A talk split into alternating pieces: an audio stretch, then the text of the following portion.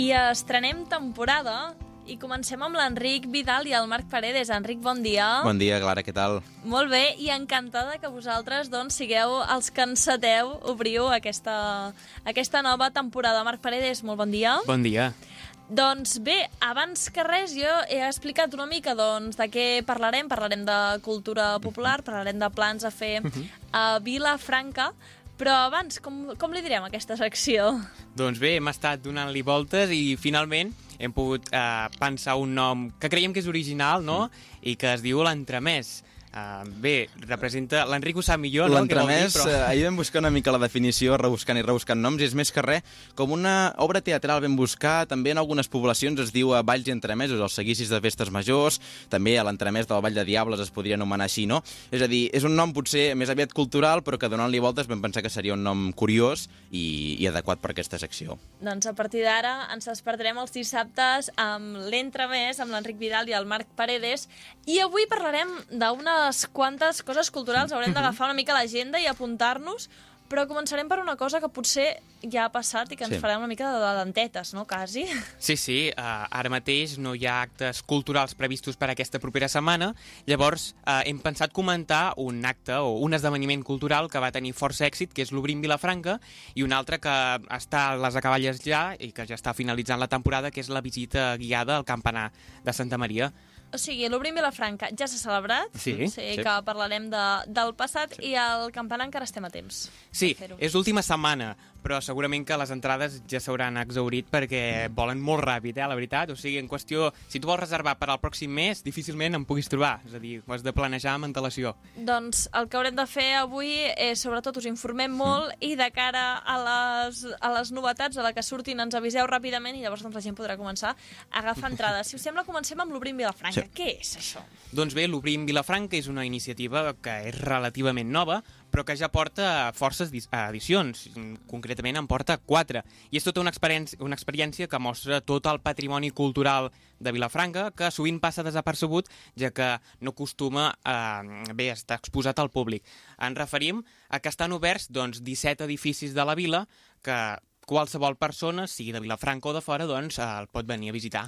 És a dir, és una activitat que, com ha dit el Marc, porta quatre edicions, però no té una data fixada en el calendari. És a dir, l'Ajuntament de Vilafranca, quan creu, eh, el Departament de Turisme, quan creu que és necessari dur a terme una activitat que realment té molt d'èxit, perquè el dia que es van obrir eh, la compra d'entrades, l'adquisició d'entrada, perquè l'activitat és gratuïta, doncs realment van volar les entrades. No sé si, Clara, vas tenir enguany l'oportunitat No, o si l'has no. viscut algun, algun cop aquest obrim Vilafranca. No, no, un, un any me'n recordo que estava passant per allà i vaig veure moltes cues, era pre-Covid, Mm. i vaig pensar, ostres, una casa que està al costat de l'Ajuntament que pensava que aquesta casa ha de ser xulíssima i la gent estava fent cua per entrar-hi. Però no, no, no, no ho he gaudit. No ho he Doncs gaudit. té molt d'èxit aquest any, jo vaig mirar per curiositat, no podia en aquell cap de setmana anar cap edifici, però sí que per curiositat vaig veure com anava la- l'adquisició d'entrades i sí que realment la gent va accedir a adquirir aquestes entrades perquè realment hi ha 17 edificis, com ha dit el Marc, molt curiosos i que potser la gent no coneix el seu interior. Sí que es veiem que són façanes realment modernistes, molt xules, molt maques, però a l'interior potser no acabem de, de conèixer ben bé el, el que hi ha. Per exemple, també aquí tenim com un fulletó que vam poder trobar en diversos establiments de la vila que en feien promoció. En alguna casa podem veure alguna rèplica en petit del Drec de Vilafranca, o podem Ah, veure ostres! la Casa de la Vila, que també hi ha retrats de vilafranquins il·lustres, o església- l'Església de la Trinitat i el Claustre dels Trinitaris, que també és destacat. És a dir, hi ha molts edificis de molts tipus. És, és destacada aquesta, Sí, sí, la aquestes barreja, visites. Sí, sí, la barreja de, vaja, d'elements que componen aquests edificis i d'estils arquitectònics, doncs, és un fet curiós a Vilafranca que a vegades molt poca gent coneix i que, per tant, estaria bé, no?, mm, potser no fardar, o, o sí, no?, perquè eh, està bé dir el que tenim, però, eh, vaja, és una, tota una experiència perquè jo, sincerament, pocs edificis d'aquests en coneixia i, per tant, eh, eh, si es torna a obrir, si es torna a realitzar aquesta edició, eh, sens dubte, intentaré adquirir entrades. També és destacat que fan una visita guiada, és a dir, tu no vas per lliure a la casa, hi ha un guia eh, que et porta per la casa durant tot moment i t'explica segur aquestes curiositats, és a dir, ha de ser un fet destacat poder veure edificis que estan habitats, alguns. Sí, sí, sí. Eh, Ah, o sigui que és com...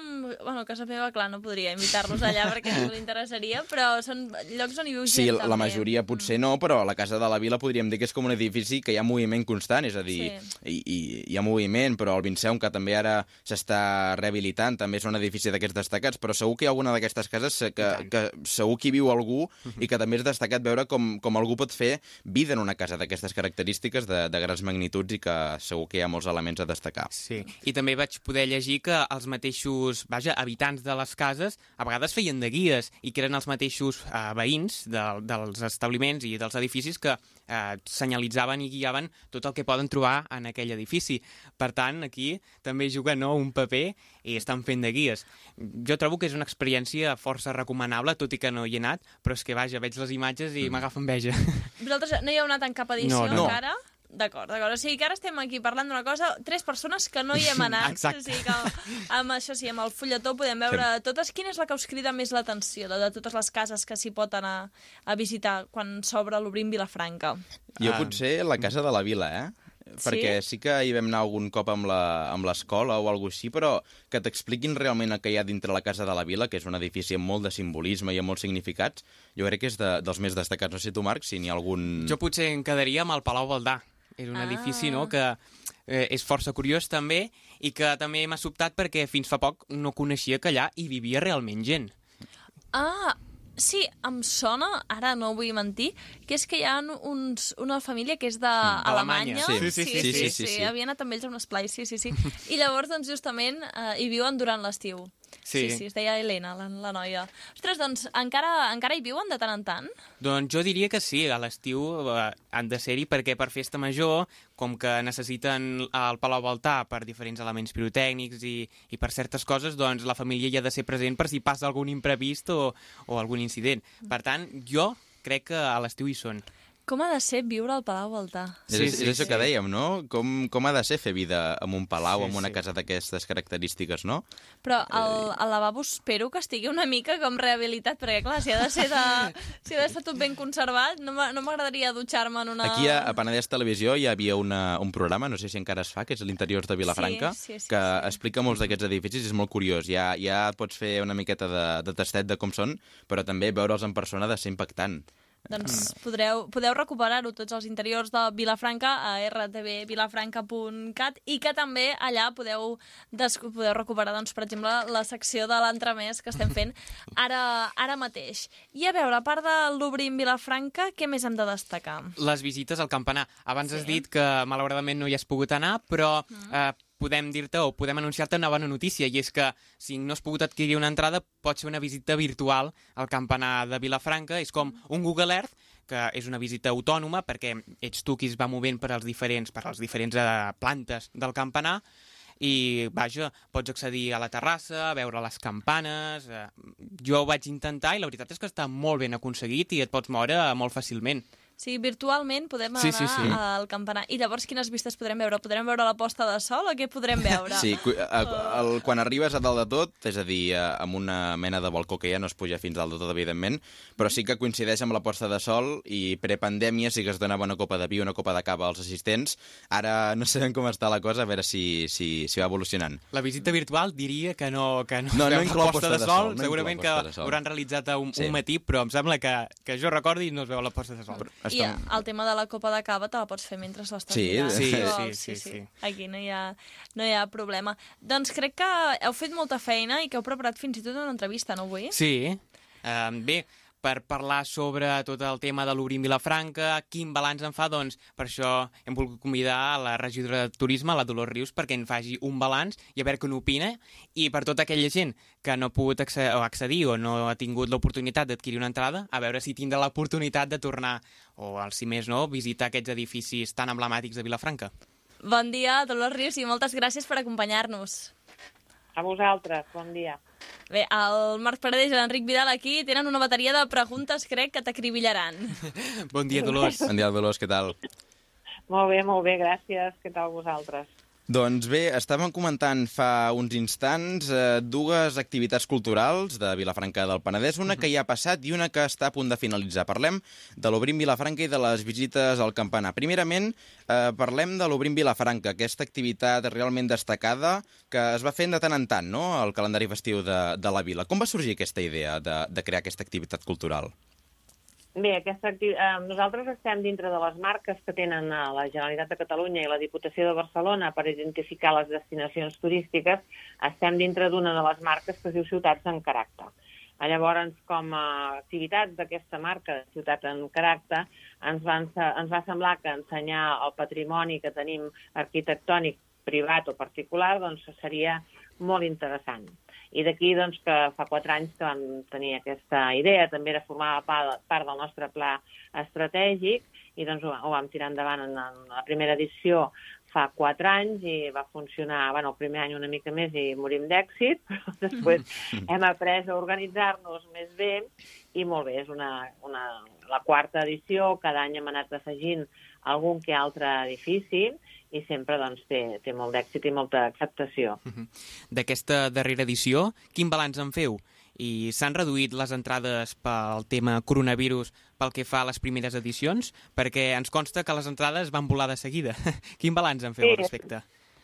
No, el balanç, eh, nosaltres, o sigui, des, de, des del departament fem un, un balanç molt positiu, però després també eh, fem una enquesta de satisfacció uh -huh. a les persones doncs, que fan les visites i doncs aprovem eh, amb un notable alt totes les mm, preguntes que fem en quant a organització, espais visitats, etc etc. Sí que cada any, quan acaba l'edició, doncs ja tenim una pila d'idees per millorar la de l'any següent. Cada any doncs, anem uh, recollint um, propostes que ens fan els mateixos visitants o coses doncs, que nosaltres veiem que es poden millorar.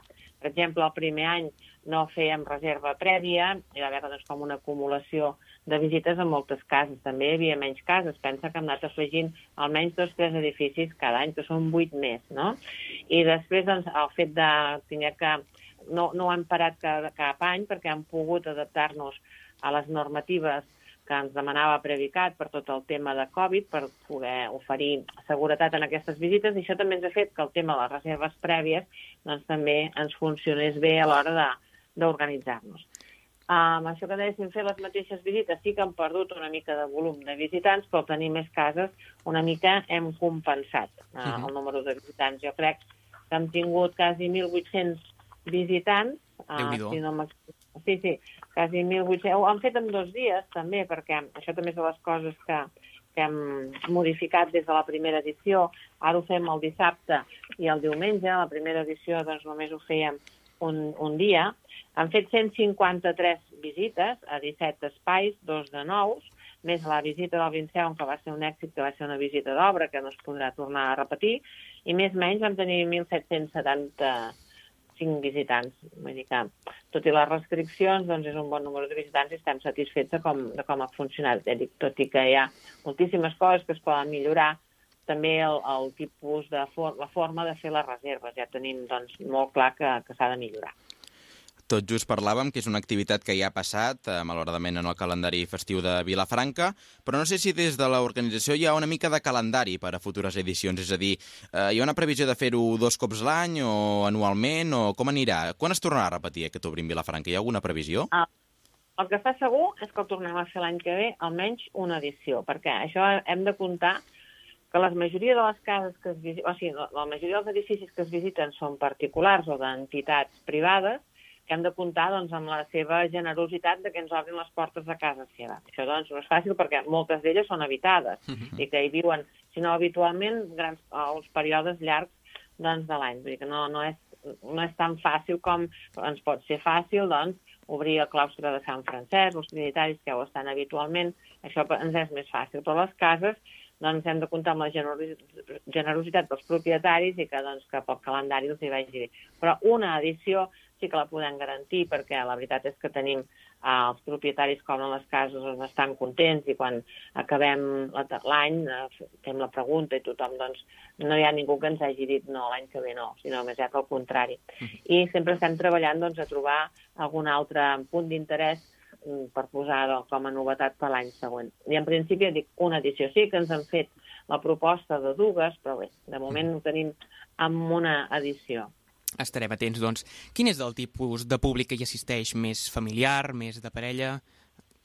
Sí, no, el- és, és un públic mm, bastant característic, amb les senyores més que els senyors, un Mhm. percentatge més alt de dones que d'homes. La majoria són de Vilafranca i, si no, doncs ja de, de, del Penedès. També eh, aquest any, no, aquest any l'any passat, amb les restriccions Covid de fora del Penedès, doncs també hi ha hagut menys gent.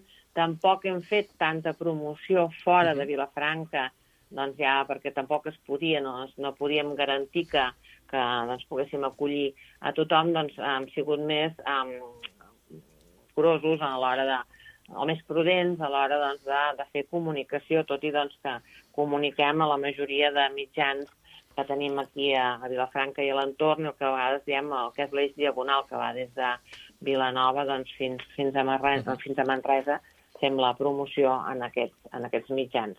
Però vull dir, no- normalment també venen famílies, depèn de, depèn de l'edifici, doncs eh, venen nens.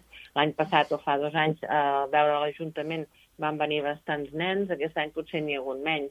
Els hi fa gràcia, doncs, perquè potser en les escoles ho han vist i, i els hi fa gràcia venir, els hi fa molta gràcia que els ensenyem la clau de Vilafranca que donem als Reis pel Sí. dia que venen a passar les joguines, doncs està guardada al despatx de l'alcalde, ens agrada molt veure-ho, i hi hauria una mica de tot. Però la majoria són persones de la franja que tenim més gent és 40-60, i la majoria són senyores, i ja està. També dic, també tenim una mica variat, però la majoria són Mhm. aquests.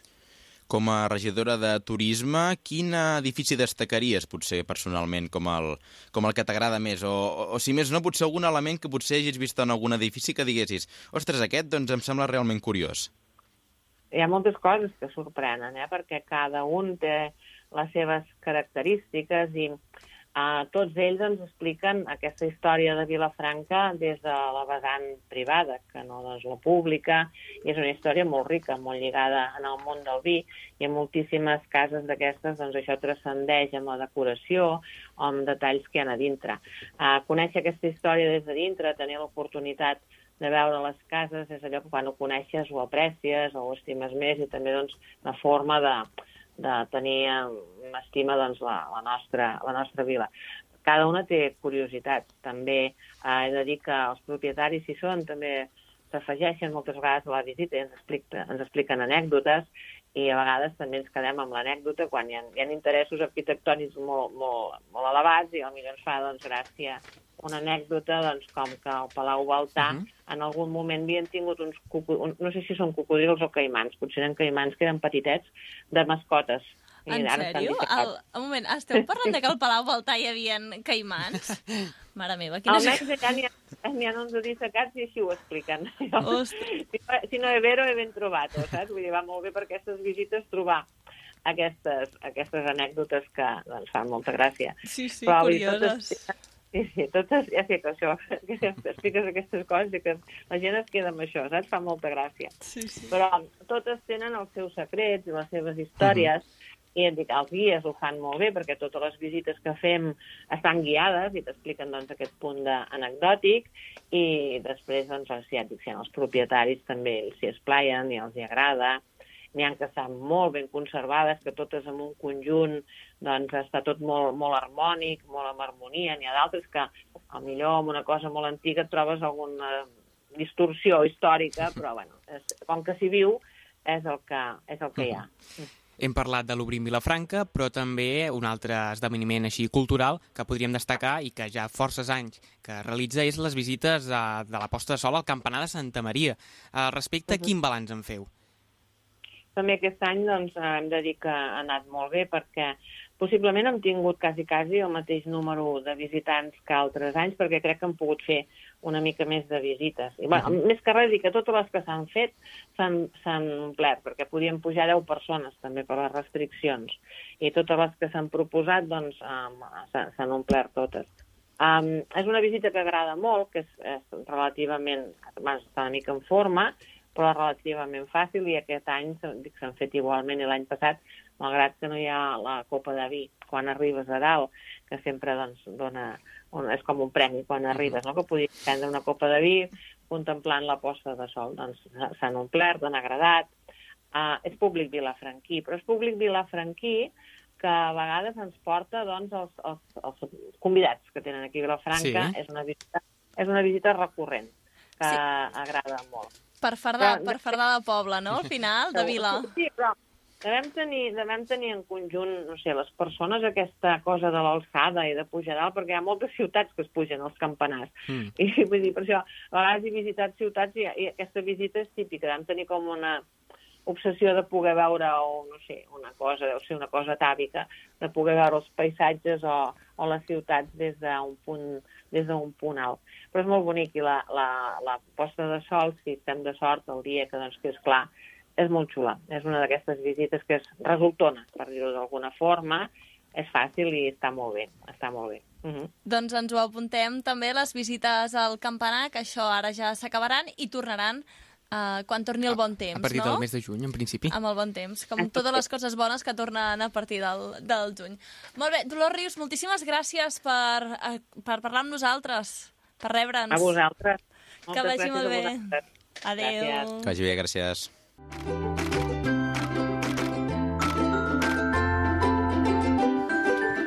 Després de conèixer bastament l'Obrim Vilafranca i també les visites al campanar, si us sembla, Marc Paredes, Enric Vidal, anem a mirar les altres activitats que voleu destacar. Som-hi.